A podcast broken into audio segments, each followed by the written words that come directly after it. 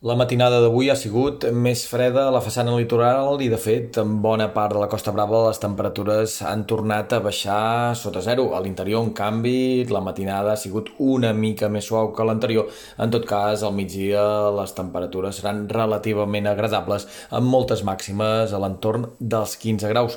Pel que fa a l'estat del cel, matí amb nuvolositat molt abundant a les comarques de Lleida i Tarragona s'aniran obrint clarianes a mesura que avanci el matí i a la tarda els núvols augmentarien en aquest cas cap a les comarques gironines. En tot cas, no esperem precipitacions i de fet per haver d'obrir el paraigua ens hauríem d'esperar dijous o divendres de la setmana vinent.